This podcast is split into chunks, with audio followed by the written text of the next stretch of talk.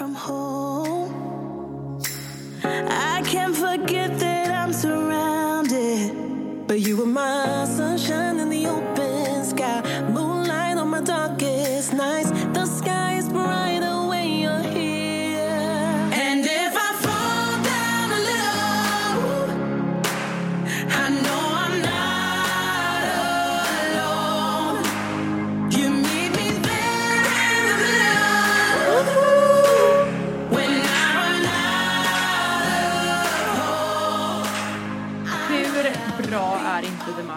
Nej men den är till och med ännu bättre nu i efterhand.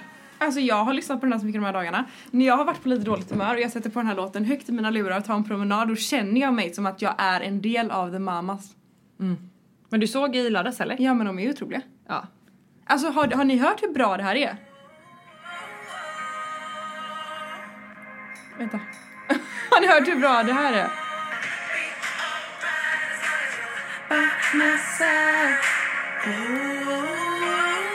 Ja, skitsamma, hur Men de har gjort väldigt bra låtar alla år i rad tycker jag. Så att, ehm, Extremt bra det låtar. var väl klart att de skulle till Globen. Ja, gud ja. Jag tror att de vinner hela skiten. Jag hoppas på det. Annars kan, annars kan Mello lägga ner. Får jag bara fråga, eh, de vann förra året?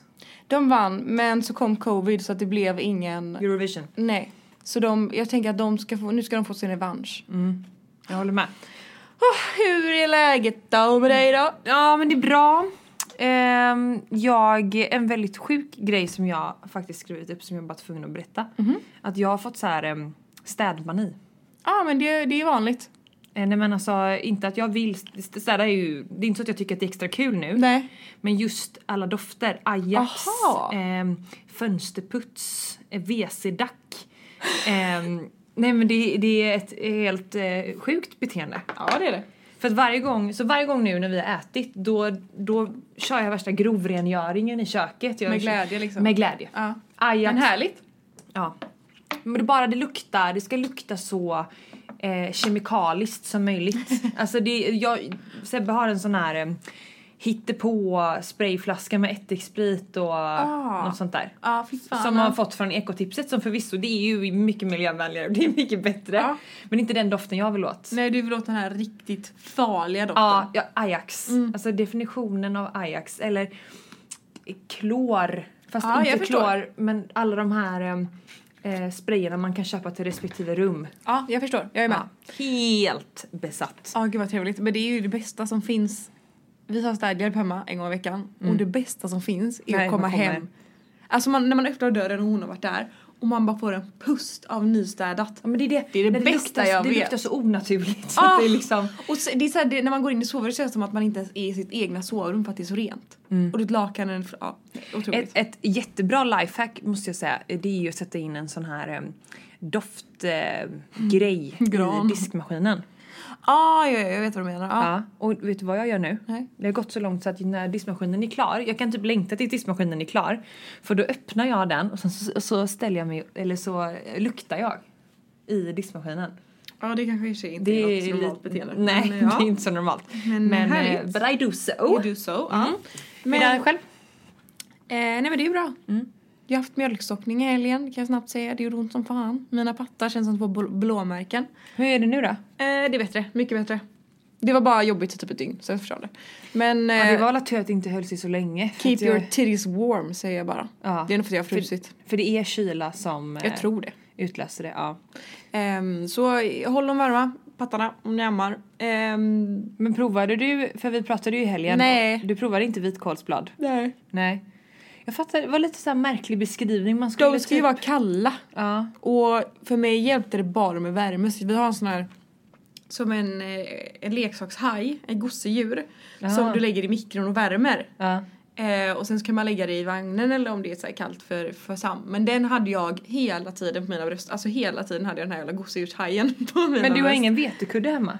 Nej jag har ju inte det, vi måste skaffa det. Ja, det måste du verkligen ha. Det har ju jag eh, hemma. Mm. Ehm, Men eh, så, så var det med det. mm. Ja. Men okej, så den liten, eh, det blev inte riktigt som planerat då? Nej. Nej. Men du är Och trött och du är jättetrött också. Jag är jättetrött, Ja. jag gäspar som fan. Men det är för att Sam sover ingenting. Punkt. Vi kan sätta punkt där. Ja. Vi kan ju säga att eh, han var vaken hela natten igår. Eller Ja, alltså, hela natten. Alltså han vaknar fem gånger per natt nu för tiden. Mm. Och det är ganska så jobbigt när man ammar. Men Ja. Han är i en sån period nu, eller du hade läst Ja, han är i en klängperiod också så att han vill bara vara på oss. Vilket inte gör någonting, han är jättegosig. Men nu har jag till och med fått bara så, Kalle du får ta från, från liksom vid sex, sju på morgonen, då får Kalle ta hand om honom. det? Men jag, trodde, jag- men jag trodde att, att det var så ni hade delat Vi gjorde det mer innan men så jag har börjat helamma så är det ju typ bara mig jag vill ha. Ja. Så... Eller det är som klart. Hjälper, men ja. Men du kan inte pumpa och så kan han ge flaska på nätterna då, så att ni kan Jo variera? men nu när jag har varit helt slut så har han fått ersättning också för att jag har bara inte, jag har inte pallat. Man blir helt, när man är vaken hela natten så blir man helt slut. Ja, nej, men jag tänker då kanske det är enklare att dela upp eh, nätterna också. Ja. Ja jag vet inte riktigt hur man ska göra. Det är svårt. Ni hittar er väg säkerligen. We do, we do. Together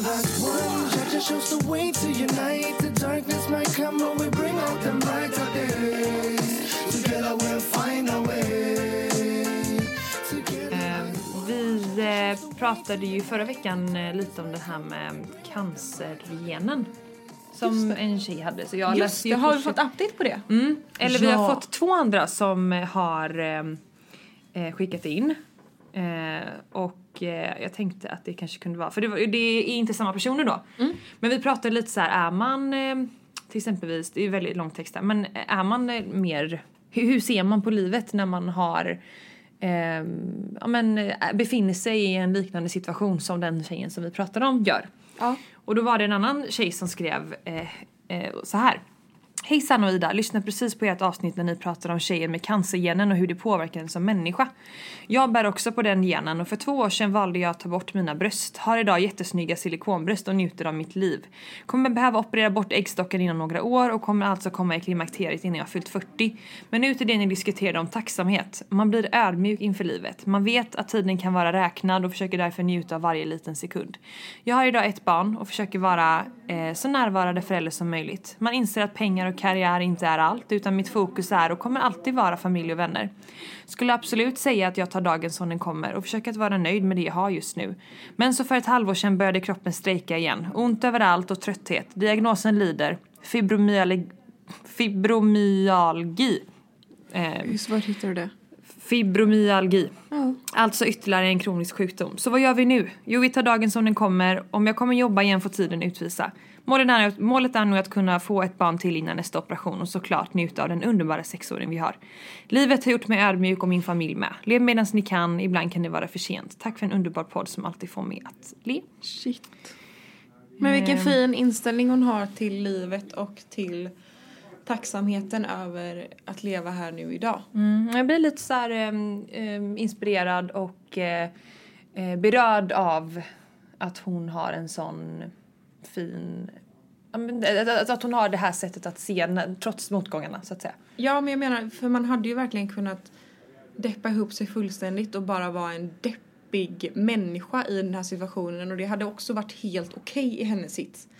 Men hon väljer ändå att se det från den ljusa sidan. Och det tycker jag nästan att alla som, som lyssnar ska ta med sig. Att fan se livet från den ljusa sidan. Även om dagar kan vara skit och man kan må dåligt, man kan gå igenom motgångar så får man ändå vara tacksam över att fan jag lever här idag. Det finns ju en tjej jag följer på Instagram som heter Elin Kjos. Jag tror hon uttalas så. Just det, det är hon. Jag måste bara kolla upp så vi vet. Ja. Eh, för hon har ju då en, eh, bli- blivit diagnostiserad med en obotlig lungcancersjukdom. Eh, eller förlåt, obotlig lungcancer är ju det som är precis. Ja. Eh, och hon eh, har egentligen alla odds emot sig kan man säga. Men hon är nog en av de få positiva och eh, ja, men få positiva eh, människorna som jag vet om. Eh, för att eh, nu eh, ska hon gå in i en ny studie och hon har ingen aning. Hon har egentligen så här, de har typ sagt att vi, du kommer inte klara den här sjukdomen. Ja. Men hon försöker hitta nya sätt att eh, bota den här sjukdomen på. Och det är väldigt intressant att följa. Så att om ni inte följer henne på Instagram så gör gärna det. Gud, jag måste börja följa henne. Jag, man vet ju, alla vet ju typ vem det är men, men hon tränar alltså i detta nu också. Ja, hon är ju en före detta Barrys instruktör då. Aha. Eh, och eh, det är också sjukt intressant för att hon har ju extremt bra värden. Och eh, det är också det som gör att hon kan genomföra lite så här, den här tuffare studien som hon gör just nu då, vad jag har förstått det som. Eh, och ehm, det är väl för att hon är i en så pass bra form fysiskt. Eh, sen var det en till tjej som skrev angående BRCA. Eh, hejsan och Ida, tack för en grym podd. Jag hörde ert senaste avsnitt och ni pratar om BRCA. Jag är 29 och förra veckan genomgick jag en förebyggande bröstoperation för att minska risken att få cancer. Nästa steg blir att ta bort äggledare, äggstockar. Aj! Eh, jag vill egentligen bara säga att ni får gärna förmedla mitt namn till den tjej som också var 29 och skrev in om sin situation. Det finns en privat grupp på Facebook som heter BRAC Sverige. Eller om det är BRCA då, hon har kanske skrivit fel. BRCA Sverige. Är hon inte med i den tycker jag att hon ska gå med. Där finns ett stort stöd som varit viktigt för mig i min process. Kände mig igen mig i allt hon skrev. Jag pratar också gärna med henne om hon vill. Jag bor i Göteborg och opererades på Sahlgrenska. Tack för er podd och för att ni hjälper andra att vara starka. Hur fint att vi får folk att connecta via podden. Ja, alltså, som har ja. samma, som lider av samma sak eller går igenom samma alltså, saker i livet. Att vi connectar dem, det är helt otroligt. Ja, att man kan vara någon form av mellanhand här. Wow. Jag Mm. Ja, bara, så att, ge mig eh, själv en klapp på axeln. Nej men det är helt fantastiskt. Ja, Verkligen. och det, ja, jag håller med. Kul.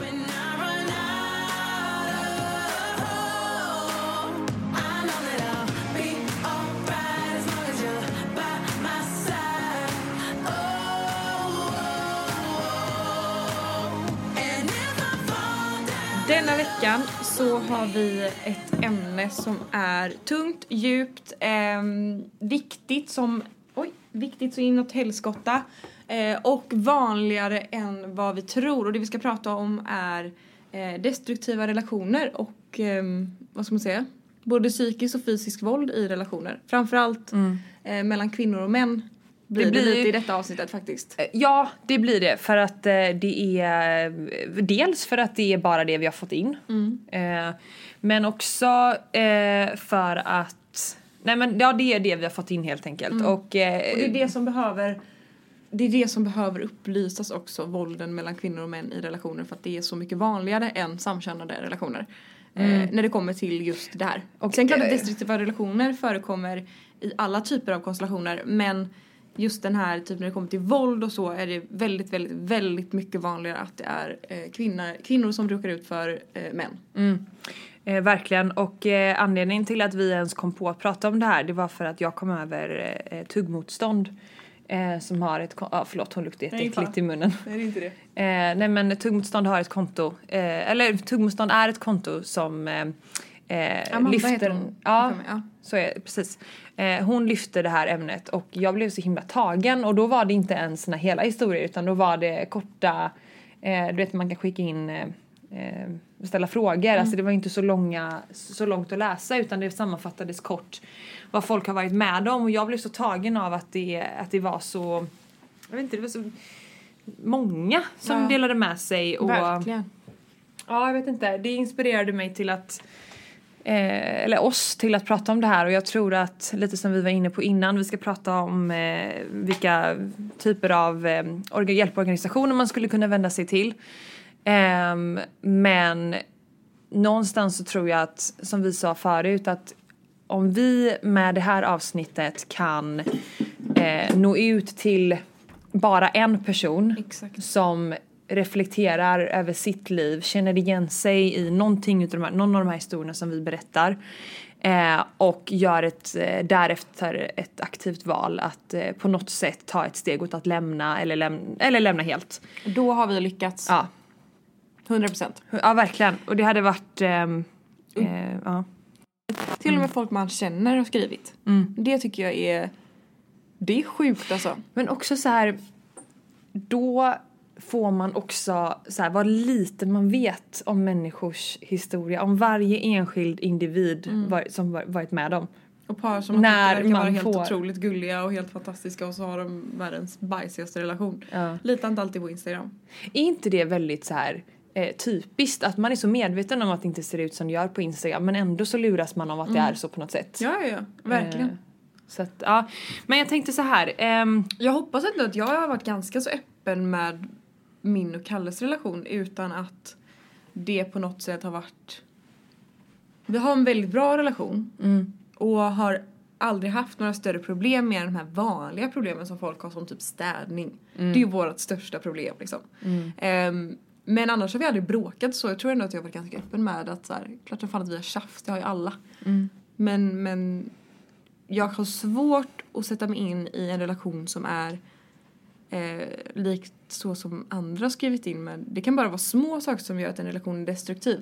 Ehm, Ja, och det är väl det och det är det som gör att det är sån hårfin. Jag pratade med Sebbe om det igår, att det finns en hårfin balans mellan vad som är okej med svartsjuka och inte till exempelvis. ja, gud ja. Att man oavsett i vilken relation man lever i Ja. blir svartsjuk någon gång. Ja, det, det händer. Men Ja. för det första så handlar det om vad gör man med den känslan? Ja. Hur beter man sig och hur agerar man utåt? Och eh, i, för, för i vissa fall så kan ju att ens partner blir svartsjuk kan ju faktiskt vara någonting som är lite gulligt också. som Exakt, tyder ja. på att man bryr sig. Ja. Eh, men det är ju när det går till en överdrift och den Ja. balansen är lite så här, den är hårfin. Verkligen.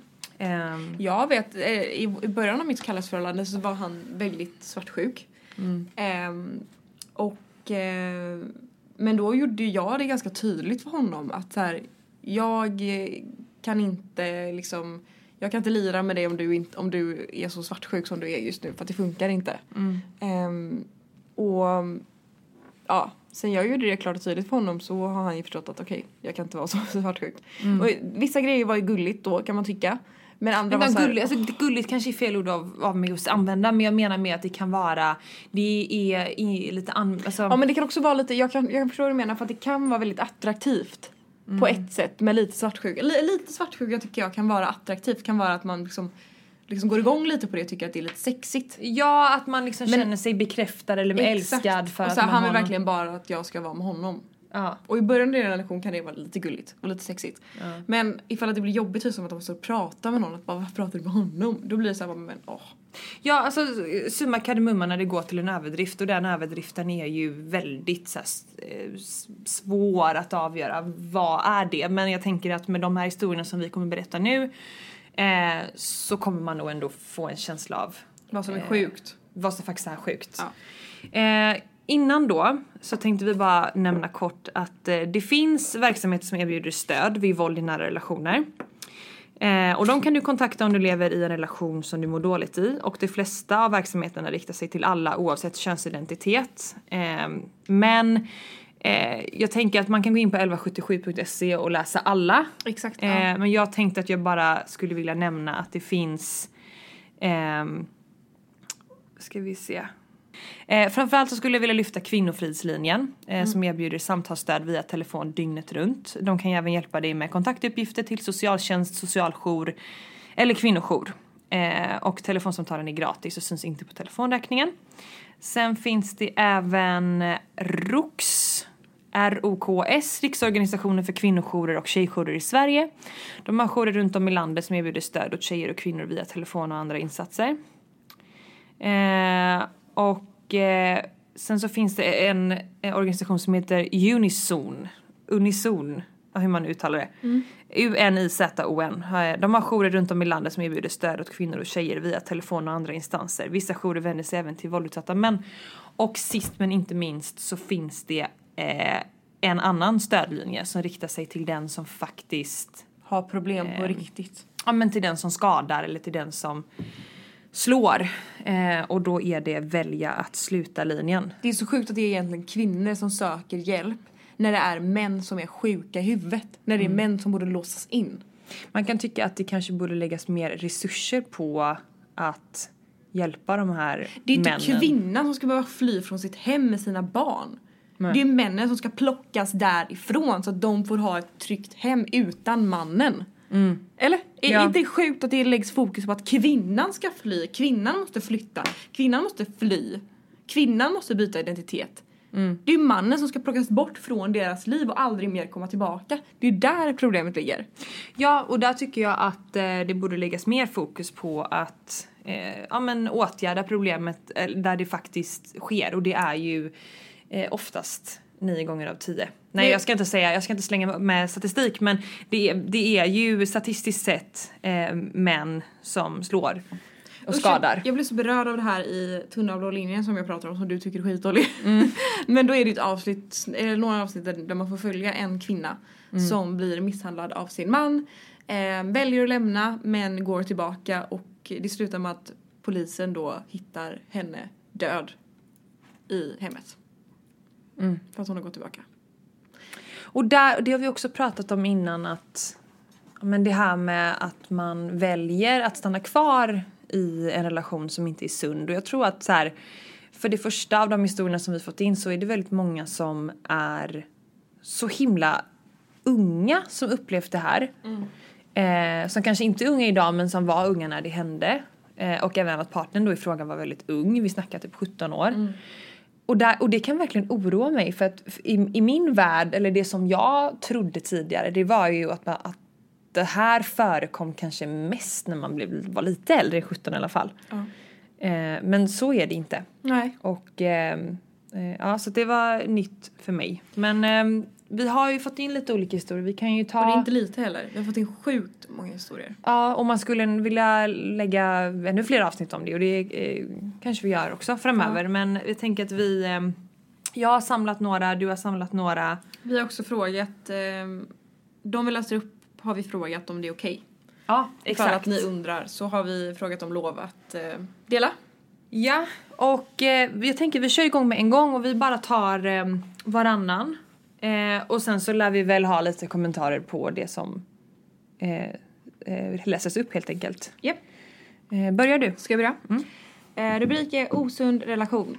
Jag var med om en rätt hemsk situation för två år sedan då jag tappade mig själv totalt. Jag träffade en kille sommaren 2019 och vi klickade rätt fort. Började träffas mer och mer och jag blev inom citat, citattecken fast. Eh, jag började bo i hans lägenhet tillsammans med hans bror och flickvän och levde ett bra liv liksom. Efter ett tag så började allt vända. Jag var tvungen att säga upp all kontakt till mina killkompisar. Jag skulle posta bilder på oss på Instagram trots att jag inte riktigt ville att det skulle gå ut offentligt. Eh, trots att jag inte ville att det skulle gå ut offentligt så blev jag tvingad till det. Eh, när jag skulle ut och festa fick jag inte ha kjol eller linne då det visade för mycket av min kropp. Jag fick inte ens sitta på andra killar när vi gick i matbutiken för att då fick jag höra det ena och det andra. Jag började sakta dras från min familj och så vidare. I november 2019, alltså ungefär ett halvår efter, eh, plussade jag på stickan och blev gravid med honom. Jag blev så lycklig då jag alltid drömt om att vara en ung mamma. Eh, han blev också glad men efter ett tag så vände allt. Han började bli aggressiv, ville att jag skulle göra abort och när jag vägrade så hotade han mig till livet. Jag fick en tid för abort i december, så ledsen under den perioden och hade brutit med han eh, och blockat honom överallt. Men han skaffade kontantkort och fortsatte skriva. Sa att han skulle följa med mig till sjukhuset när jag gjorde abort för han ville se att jag verkligen gjorde det. När jag vägrade ta med honom så sa han att jag måste skicka bilder på själva aborten för att, jag, för att han skulle se att jag inte drog mig ur. Efter att jag gjort aborten så började han manipulera och ville ha tillbaka mig. Vid den tidpunkten hade jag fått, fått reda på att han under x antal gånger varit otrogen mot mig och gett mig och andra tjejer klamydia. Han började ringa min familj, min farmor och farfar, min pappa, min mamma, syskon och sånt för att manipulera dem. Han stod utanför mitt jobb och slutade eh, han stod utanför mitt jobb för att försöka träffa mig när jag slutade jobbet. Han började skicka blommor och åkte hem till min familj någon kväll när jag inte var hemma och stod och kikade på dem i fönstret. Han försökte skriva över han försökte skriva över sig på min lägenhet som jag var tvungen att säga upp på grund av problem han hade ställt till med där. Han hade köpt sex av andra tjejer och så vidare. Listan kan göras lång. Ett tag efter försvann jag i- mig själv. Jag hamnade i panikattacker, fick ångest, PTSD eh, på grund av allt som hade hänt. Fick gå och prata med en psykolog för att försöka må bättre. Och idag, två år senare, är det många tjejer som skrivit till mig att de varit med om samma sak med samma kille. Usch. Fruktansvärt. Fruktansvärt. Och just att, att eh, det som är så tydligt här är ju att han, han gör ju de sakerna som han är så himla eh, emot att, eller som han är rädd för att hon ska göra. Ja. Alltså om hon inte får kolla på en kille och han är otrogen och köper sex av andra tjejer. Alltså det är så. Usch, ja men hota henne till livet för att hon inte skulle göra bort. Nej men det här är såklart, det här är ju verkligen ingen eh, frisk person. Och det, det, det är det här Denna som är så tjejen sa lurigt. också att hon, ehm, hon har också lagt till att hon ehm, man ska inte vara rädd för att söka hjälp. Hela hennes familj hjälpte henne under processen med polisanmälningar och polisförhör och så vidare. Att man ska, man ska våga ta hjälp och eh, av sin familj också. Ja. Våga, våga ha dem med sig på resan. Ja, och det skulle man väl kunna ha som så här, eh, en grundregel att eh, som jag tror, som jag uppfattat av de jag har pratat med eh, har hjälpt. Det är ju att man har vågat prata om det med andra, med kompisar och med vänner. Det är kanske inte alla som har en nära relation till sin familj men man har kanske en kompis eller någon. Och att bara våga öppna upp sig och berätta så blir det också väldigt mycket enklare att få ett annat perspektiv på det. För att jag tror att det svåra är ju att det kommer smygandes.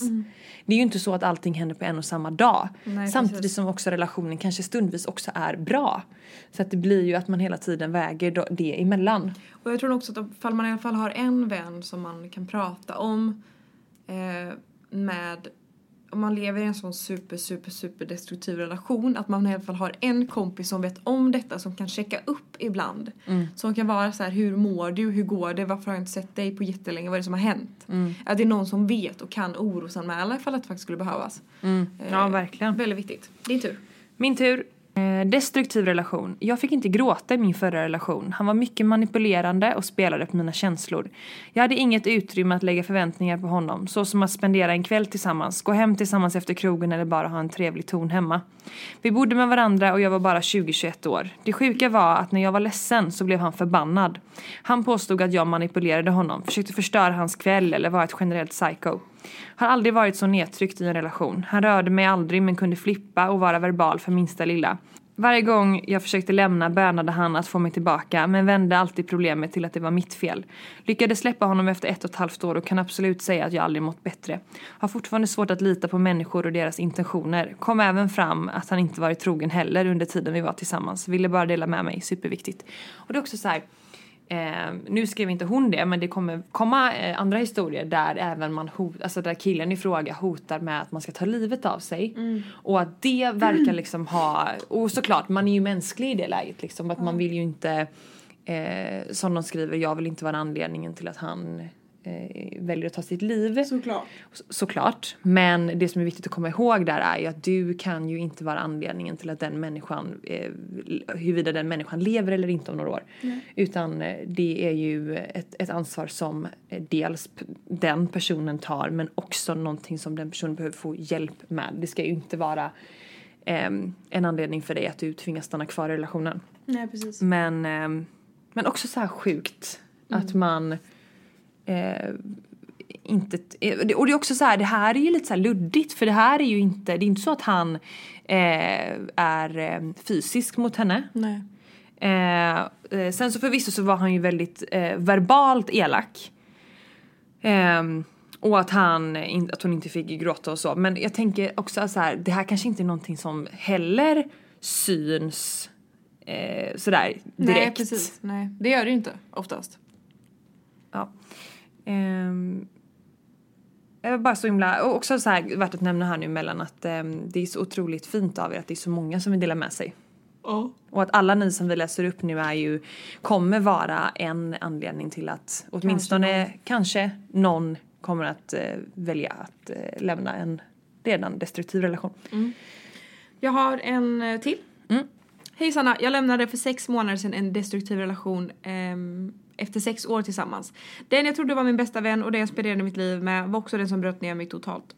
Han var aldrig tillräcklig, jag blev inte älskad för den jag var. Det var alltid något som var fel med mig eller mina handlingar. I sex år tog jag inte ett enda beslut själv. Hans åsikt och rädsla för att, för, eh, för att höra att jag var dum i huvudet begränsade hela mitt liv. Jag vågade inte packa bilen för jag var rädd att få höra att jag var en idiot om jag inte packade rätt. Jag krattade fel, jag sopade golvet i fel ordning, jag blev utskälld, jag inte svarade på ett sms på 30 minuter. När jag packade alkohol till fest kom han alltid överraskad över, mycket, över hur mycket jag tog. Jag trodde det var okej okay hur han hela tiden ansåg sig ha rätt att ta på min kropp, hur, när och han ville. Nej, när och hur han ville. Folk frågade mig varför jag inte lämnade, men i det såg jag inte hur fel det var. Det var ju, det, det var ju mig det var fel på. Det var efteråt jag för första gången kom i kontakt med ordet fy, fysisk misshandel. Psykisk. Psykisk, ni hör ju, jag har ju dyslexi men det är ju ingen nyhet. Jag skulle kunna skriva en hel novell med historier som jag trodde var okej då men nu inser hur jävla sjukt det var. Men detta är oerhört viktigt att lyfta eh, för det syns inte utifrån och i, och i det så förstår man inte hur oacceptabelt det är. Eh, och det var lite det vi diskuterade innan det här med psykisk eller fysisk miss, psykisk misshandel. att man inte ser det utifrån men det är nog väldigt väldigt vanligt och just det här att man är rädd för att göra allting allting fel. Och också att man är så eh, duktig på att lägga över ansvaret på den andra personen så att eh, hon i fråga här, att det är fel på henne, att hon tycker att Mm. Ja, det är fel på exakt. henne. Eh, och den fällan tror jag eh, allt för många eh, fastnar i. Mm, verkligen. Eh, long story short, en nära vän till mig tog livet av sig under mitt senaste förhållande. Dagen hon skulle begravas hade jag bett min kille att vara hemma på kvällen, vi bodde ihop. Så att jag inte skulle behöva vara ensam. Min kille var på sin kompis landställe dagarna innan och visste exakt vilken, exakt vilken dag begravningen var. Slutade med att han aldrig kom hem den dagen och sa till mig att min sorg och ångest ligger hos mig själv, att jag får ta itu med den på egen hand. Somnade alltså helt ensam den kvällen när det enda jag ville var att min kille skulle hålla om mig. En av alla saker som han gjorde. Oj. Alltså det... Det är så... Det är så... Jag vet inte vad jag ska säga. Det är så, det är så sjukt. Eh, För mig är det så självklart att om man är i en relation med någon, då är det att vara i en relation med någon, det är att finnas där för någon när man behöver varandra. Förstår du vad jag menar? Och det, annars är man inte i en relation. nej. Ifall att Kalle säger till mig, jag behöver bara att du kramar mig nu. Då är det typ min skyldighet att göra det. Likaså ifall jag är ledsen och säger bara jag vill bara att du kramar mig så att det kommer bli bra. Då är det också hans skyldighet att göra det. Eller har jag fel där? Nej, en relation bygger ju på det du säger. En relation bygger ju på att man eh, stöttar varandra, varandra. och finns där för varandra i både positiva som eh, eh, jobbiga, eh, lyckliga som jobbiga stunder. Precis. Eh, och jag, aldrig- jag kan inte ja. förstå hur den här killen i det här fallet eh, är så oempatisk. Det är att- fruktansvärt. Och lägger över att sorgen ligger, alltså det är din egen sorgbearbetning. Precis. Nej. Fy! Jag vet inte, och, men, och det är så sjukt när det kommer till allt sånt att så här, man, klart man finns där för varandra och man, ibland kan man ha olika agendor på, vi säger att man går och lägger sig, det här är ett exempel som hände igår. Ehm, jag och Kalle gick och la oss i sängen, jag hade kanske en annan agenda än vad han hade. Eh, ni förstår vad jag menar tror jag. Eh, men, han bara, men han sa, kan inte du bara krama mig nu? Jag känner mig så jävla stressad, det är så mycket överallt hela tiden. Och då klart som fan att jag lägger mig och kramar honom. Och att det är där kvällen slutar. För att det är så det är att vara i en relation. Lika så ifall att han skulle ha en annan agenda någon gång när man går och lägger sig. Och tänker att aha, hon kanske är lite på det humöret. Men alltså jag bara så kan inte du bara hålla om mig och säga att det är, allt är bra. Då klart som fan att han gör det. Jag skulle bli så chockad ifall att han då skulle försöka göra något annat. Förstår du vad jag menar? Det är så, det är Ja. så stört. Men det är så Verkligen. vanligt. Och när man läser de här korta meddelanden som jag har fått så är det sjukt vanligt med att killar, ehm, att tjejer har skrivit in att ehm, min kille hade sex med mig flertal gånger utan att jag ens ville ha sex med honom. Om man var ledsen eller vad det kan vara. Ja, och det där är också någonting som man inte riktigt kan ta på för att liksom, det är ju, eh, alltså jag tänker med sex och sådär, så tänker jag att, att det är ju ett samspel mellan två personer där man Exakt. känner av varandra, vad som är lägligt och inte. Eh, och därför jag tycker att det är så bra att den här nya lagen med våldtäkt, att, att det behöver inte betyda, man måste inte ha sagt nej. Nej precis. För det är väl klart som fan ifall att Sebbe skulle ha sex med dig utan att du vill det. Det är klart som fan att det är en våldtäkt även om ni är i en relation. Ja, gud ja. Och det känns som att den grejen har varit så himla luddig tills typ nu. Ja men också typ såhär, jag, jag, tänker att det som jag vill komma till är som det är ju, är man, är man eh, frisk och är man sund i, sig, i sitt huvud så märker man ju av direkt om ens partner vill eller inte till Exakt. exempelvis. Det är, så, Ehm. det är så himla lätt att märka av. Ja. Och så, alltså, i en sund relation så kanske, det, alltså, kanske det mer har att göra med att man kanske bara inte är sugen för tillfället. Exakt. Men i en relation där det kanske inte är bra eller att man eh, ja, av någon anledning för tillfället inte har det bra. Jag vet inte vad jag vill komma till men det jag menar är att det är liksom eh, det här samspelet är ju ganska tydligt att förstå sig på om man är uppmärksam och eh, frisk i huvudet. Precis. Ehm, så att säga. Ehm, ehm, här en till. Mitt ex ville alltid veta vilka jag var med och varför. Var alltid tvungen att meddela honom exakt alla som jag umgicks med, deras ålder, var de kom ifrån och varför jag träffade dem. Så fort jag befann mig utanför huset fick jag ett sms där han frågade om, jag, om vad jag skulle och varför. Det slutade med att jag valde att inte använda vissa appar på mobilen då han kunde få reda på vart jag var. Utöver detta var han en snäll och god kille men detta beteendet var något som fick mig att välja att avsluta relationen. Här, jävligt bra att du lämnade. Men det här är en sån typisk grej. Nu säger inte jag att just med honom, men här kommer det ju smygandes direkt liksom. Exakt. Det har säkerligen börjat med att han liksom knorrar lite när hon ska ut precis. eller vad hon nu ska hitta på. Liksom, nej, eh, det är inte sunt. Säg ifrån. Eh, ändrar han inte på sig, eh, lämna. Precis. Mitt ex fick mig att känna att jag inte hade rätt till mina egna känslor och att jag hade fel. Mina föräldrar och dåvarande vänner tyckte att han inte var värd mig men jag lyssnade mer på honom än på mig. Eh, vi bodde i olika städer, 20 minuter med pendeltåg men det var alltid jag som skulle åka till honom. När jag försökte gå, gå ifrån den relationen sa han att jag aldrig skulle hitta någon som honom. Han ringde mig mitt i natten och grät och sa att han älskade mig för första gången och inte ville leva. Jag gick tillbaka tyvärr och dagen efter tog han tillbaka allt han sagt att han älskade mig. Han kunde skicka 60 videosnaps så jag fick inte öppna förrän han hade skickat allt. Fick ofta frågor om jag var säker, 100% och så vidare. Jag fick inte ha mobilen på ljudlöst eller upp och ner på bordet. Jag är så glad att jag inte är kvar i den relationen. När jag ser tillbaka idag fanns det så många varningsflaggor från start. Jag önskar att jag hade lyssnat på dem i min familj. Ehm, ja, det eh, är ju sjukt beteende. Ehm, inte från henne, från han. Ja, givetvis. Eh, vill också påpeka att det finns det som har det mycket värre än jag hade det. Jag älskade denna kille och han, aldrig, och han skulle aldrig göra något för att såra mig medvetet vad jag vet utan detta är anekdoter reflekterat över i efterhand. Vet inte hur många gånger mitt ex psykiska ohälsa gick ut på mig. Att jag skulle vara flickvän, mamma och terapeut samtidigt och hur mycket hans välmående styrde vår relation. Mådde han dåligt var allt dåligt och mådde han bra var vi på rosa moln. Om jag, så, om jag var Eh, om jag sa till om något som jag inte tyckte om i relationen så gick han in i extremt offer mode där han förklarade hur värdelös han var och hur kunde jag vara ihop med en sån dålig människa som han oavsett om det handlade om att jag störde mig på små saker eller stora saker var alltid samma reaktion. Gick så pass långt att, att istället för att berätta för honom när jag var irriterad och trött på något så höll jag det inom mig för jag orkade inte höra hela offerkoft historien. Och jag tror hel, helt ärligt att det är en av de främsta anledningarna att vi inte är tillsammans idag. Det tror jag med. Eh, jag vill också nämna att det var många gånger när han mådde dåligt som han kunde säga saker som att vi inte var tillsammans skulle han ta livet av sig för då hade han inget att leva för. Dessa ord gjorde det väldigt svårt för mig att bryta upp relationen och även i efterhand haft svårt att inte höra av mig då och då. Och det var väl lite det som vi var inne på innan. Man hotar med att ta sitt eget liv för att eh, det är ju också så här helt eh, psykt sjukt.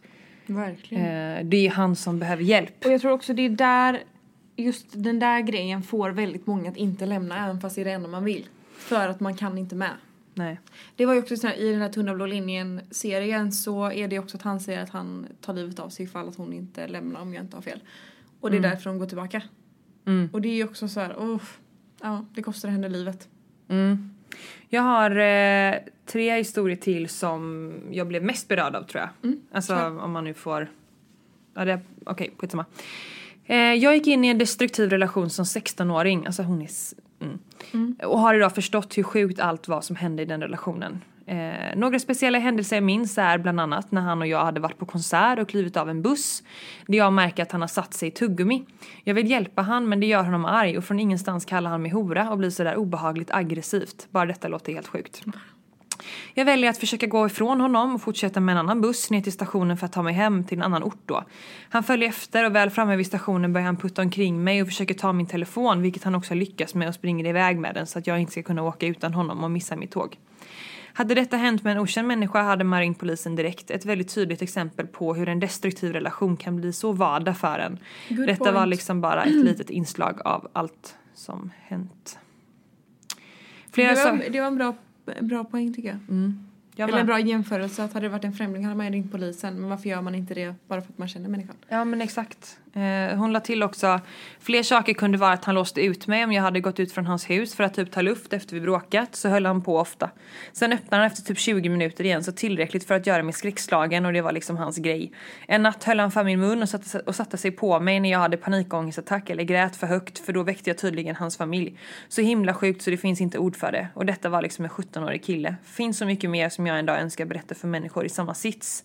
Så jag tycker det är så bra av er att uppmärksamma sånt här och ge vissa människor ett forum för att åtminstone få lite av sina historier hörda. Något som jag tror är superviktigt för att kunna gå vidare helt. Ehm, så att, ja. Äh, Han är, det är sjukt, killen är 17 år. Det är så sjukt. Börjar det, alltså det, att det börjar så tidigt. Men jag fattar inte det. Sätta sig på någon under en Men då, panikångestattack. har, men då, är man ju, då, är, då, har, då har man ju psykiska problem. men jag undrar, Då har ju han psykiska problem. Han måste ju ta hjälp. Han måste ju spärras in på något sätt. ja men obviously så, eh, så. Men... Det är mitt enda problem. Spärra in alla män. Ja, precis. Det är det jag svarar på allt. Är lösningen. Spärra in dem. Ska vi se. Jag levde i en relation i ungefär två år där jag från start blev mentalt misshandlad. I början trodde jag bara att jag var för ung för att veta hur man betedde sig i en relation och att han då blev arg för att jag hela tiden gjorde fel och att det skulle bli bättre när jag lärde mig hur det skulle vara. Och jag lärde mig ganska bra, men jag lärde mig att tippa på tå i vår relation. Jag lärde mig att vara svag, värdelös och äcklig och han hade makten. Eh, jag blev en slav i mitt eget hem. Jag riskerade psykisk och fysiskt våld om jag inte följde reglerna som kunde vara olika från dag till dag. Eh, Min mamma förbjöd honom från att komma hem till henne efter ett bråk de två hade. Han hatade min familj och mina vänner och drev mig längre ifrån dem. Jag trodde att jag var ensam. Min själ försvann, jag blev nedtryckt under marken och han fick mig att hata mig själv. Jag stack hemifrån vid flera av våra bråk av rädsla för vad han skulle göra mot mig. Många gånger trodde jag att enda utvägen var att avsluta mitt liv. Och nu kan man ju undra varför jag inte gjorde slut. Och för mig var det så självklart. Jag vågade inte, för jag visste inte vad han var kapabel att göra mot mig och min familj efter alla hot. Han hotade med att ta sitt eget liv och visste att jag inte kunde leva med att ha drivit honom till det. Flera gånger hämtade mina föräldrar mig mitt i ett bråk utan att veta hela sanningen. Jag ljög för mina föräldrar för att jag skämdes, för att jag har varit så dum och gjort honom arg. Han hittade min dagbok och satte upp alla sidorna på väggarna hemma. Jag stod inte ut med att han visste mina mörkaste tankar och vände dem mot mig. Våldet blev mer och mer fysiskt och jag stod inte ut. En dag tog jag mod, packade mina grejer när han inte var hemma och återvände aldrig. Han fortsatte med hot och körde nästan över mig på gatan utanför mitt nya hem. Jag var aldrig säker. Till slut blockerade jag honom för att slippa orden och samtalen och umgicks konstant med vänner för att aldrig vara ensam. Han måste ha tröttnat till slut som tur var. Um, jag hade väldigt svårt att släppa in människor i mitt liv igen men träffade världens finaste kille som behandlar mig med så mycket kärlek och respekt är världens lyckligaste nu. Om ni läser upp detta vill jag säga till alla i samma sits att ta hjälp av någon nära. Det går att komma ur det och det finns äkta kärlek för er. Och till de som misstänker att någon nära utsätts för någon form av misshandel, sträck ut en hand, gör något. Det är allt jag hade önskat av det i min närhet som i efterhand sagt att de trodde något var fel. Um, det är verkligen inte deras fel att jag inte kom ur. Jag önskar bara att jag inte trodde att jag var ensam och att det fanns hjälp att få. Det är så många stadier när det kommer till destruktiva relationer som behövs prata om. Det har behövt pratas om eh, hur kommer man ur en destruktiv relation? Eh, vad tar man för hjälp? Hur bearbetar man sig själv efter det här? Kommer man någonsin våga älska någon igen? Kommer man någonsin våga gå in i relation igen? Mm. Det är ju verkligen flera steg och jag tror att Hur skulle man våga ge sig själv till en annan människa efter man har varit med om sådana här saker? Jag förstår inte det. Och det behövs pratas mer om. Ja, och jag tror att just den här berättelsen den tar ju upp så många olika exempel. Alltså, Det börjar ju med att man har vissa regler som man ska följa. Hon, hon blir ju liksom från start smygande, smygandes nedtryckt eh, och eh, liksom eh, inpräntat i sig själv att det är henne det är fel på. Eh, och sen eh, så börjar han ju då vilja att hon ska distansera sig från sin familj eller åtminstone så skär det sig mellan hennes familj och vänner. Eh, så att eh, hon blir lite i beroendeställning till honom. Eh, och sen då så är han ju så manipulativ att han liksom, han vet exakt vilka knappar han ska trycka på. Och jag tror att det som är viktigt i en sånt här läge när man befinner sig är att eh, ja, men man är rädd för vad, vad man, han ska göra med hoten. Eh, man är rädd, man, man eh, eh, blir helt, eh, ja men som han, jag vet inte, han hängde ju upp eh, hennes dagbokssidor på väggarna. Det är ju liksom en form av härskarteknik. Det är fruktansvärt. Ja, och att liksom bryta ner en människa så. ehm, och också som hon skriver här att hon till slut då faktiskt berättar och får hjälp.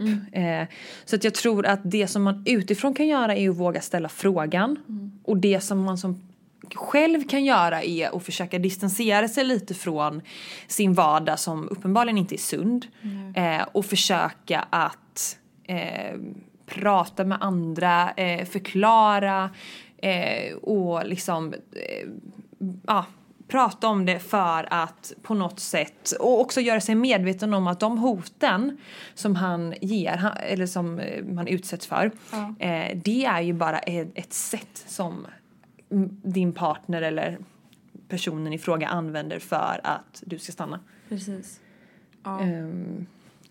Nej, det går att diskutera väldigt länge och mycket detta ämnet. Ja. Eh, någon sista där som du Ja, säga? jag kan ta en sista. Ehm, jag träffade en kille som jag trodde skulle vara mitt livs stora kärlek. Han var världens snällaste och trevligaste och brydde sig verkligen om mig. Vi blev tillsammans ganska snabbt och flyttade ihop så fort det gick. Allt var bra första månaderna, sedan blev det kaos. Jag fick inte ha på mig vad jag ville, jag fick inte bada i sjön själv för ingen fick se mig i bikini. Han var ju tvungen att vara med för att markera att jag var hans. Va? Jag fick inte åka till min familj över en helg, bodde 20 mil från dem, utan han var tvungen att följa med.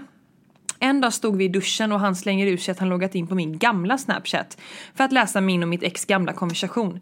Jag blev tokig och tänkte att nu får det fan vara bra. Jag mådde skit hela tiden och så fort det plingade i min mobil trodde han att jag var otrogen. Jag försökte göra slut men han hotade med att ta sitt liv. Alltså där kan jag känna så här. Det finns Oavsett om man lever i en relation eller inte så finns det ingen människa i hela världen som eh, kan ta sig rätten att äga dig. Nej. Du tillhör inte någon. Du Nej. tillhör dig själv och du lever i en, sam- i en tillvaro tillsammans med din partner. Exakt. Det betyder att du har rätt till din egen vilja, du har rätt till att göra precis som du vill, du har rätt till att ha, Du får bara naken om det är så det du vill. du har rätt till att ha både tjejkompisar som killkompisar. Du har rätt att göra vilka beslut du vill. Du har till och med rätt att vara otrogen om du skulle vilja det. Exakt. Sen hur den relationen blir då, eh, det, det kan man ju inte svara för. Men man har rätt till att göra vad fan man Men vill. du har rätt man att ta dina egna beslut och det finns ingen som kan hindra dig från det och det är det som jag tycker är så här eh, signifikant. Det verkar som att Eh, att man är, i det här fallet så är de här killarna så oroliga för att, det ska, för att man ska vara otrogen och allt det där. Eh, att eh, man hellre då försöker bura in sin partner och det gör ju bara, uh, det blir bara fel. Eh, och det som är också väldigt intressant är att många av dem som är rädda för det gör ju precis vad de gör själva. Exakt. Eh, ja, det, det finns som sagt väldigt mycket mer eh, att eh, dela med sig av men jag tror att Man hade velat prata med en polis om det här. Om du förstår vad jag menar. Om vad är liksom, vad, vilka vad är vanligast? Vad är, hur, ser, hur ser det ut liksom? Ja, det är polis. Eh, sen tänker jag eh, psykolog Mm. eh, som jobbar med den här typen av ärenden.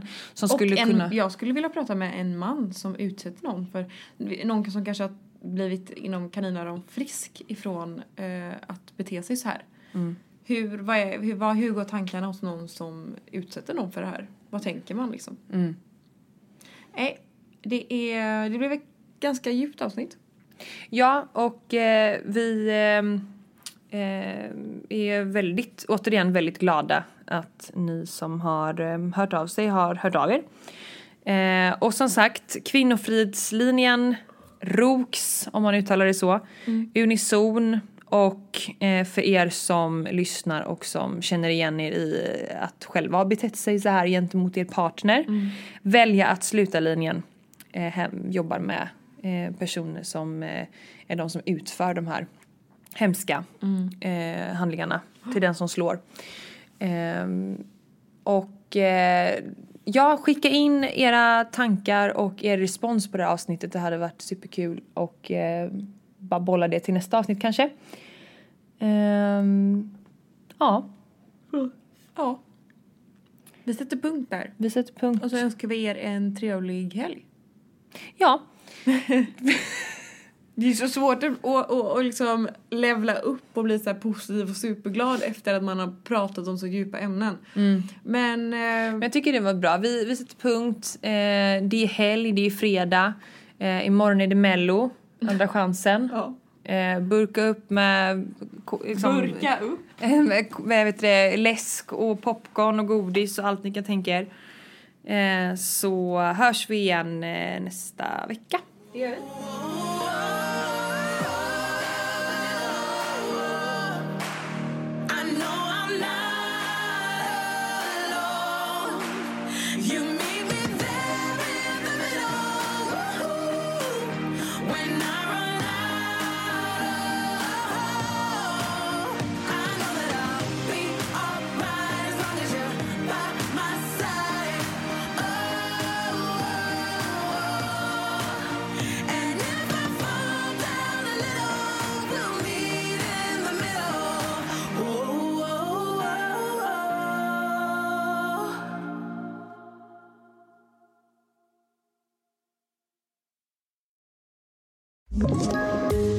Ett poddtips från Podplay. I podden Något Kaiko garanterar östgötarna Brutti och jag, Davva, dig en stor dos skratt. Där följer jag pladask för köttätandet igen. Man är lite som en jävla vampyr. Man har fått lite blodsmak och då måste man ha mer. Udda spaningar, fängslande anekdoter och en och annan arg rant. Jag måste ha mitt kaffe på morgonen för annars är jag ingen trevlig människa. Då är du ingen trevlig människa, punkt. Något Kaiko, hör du på Podplay. Därför är gardinerna.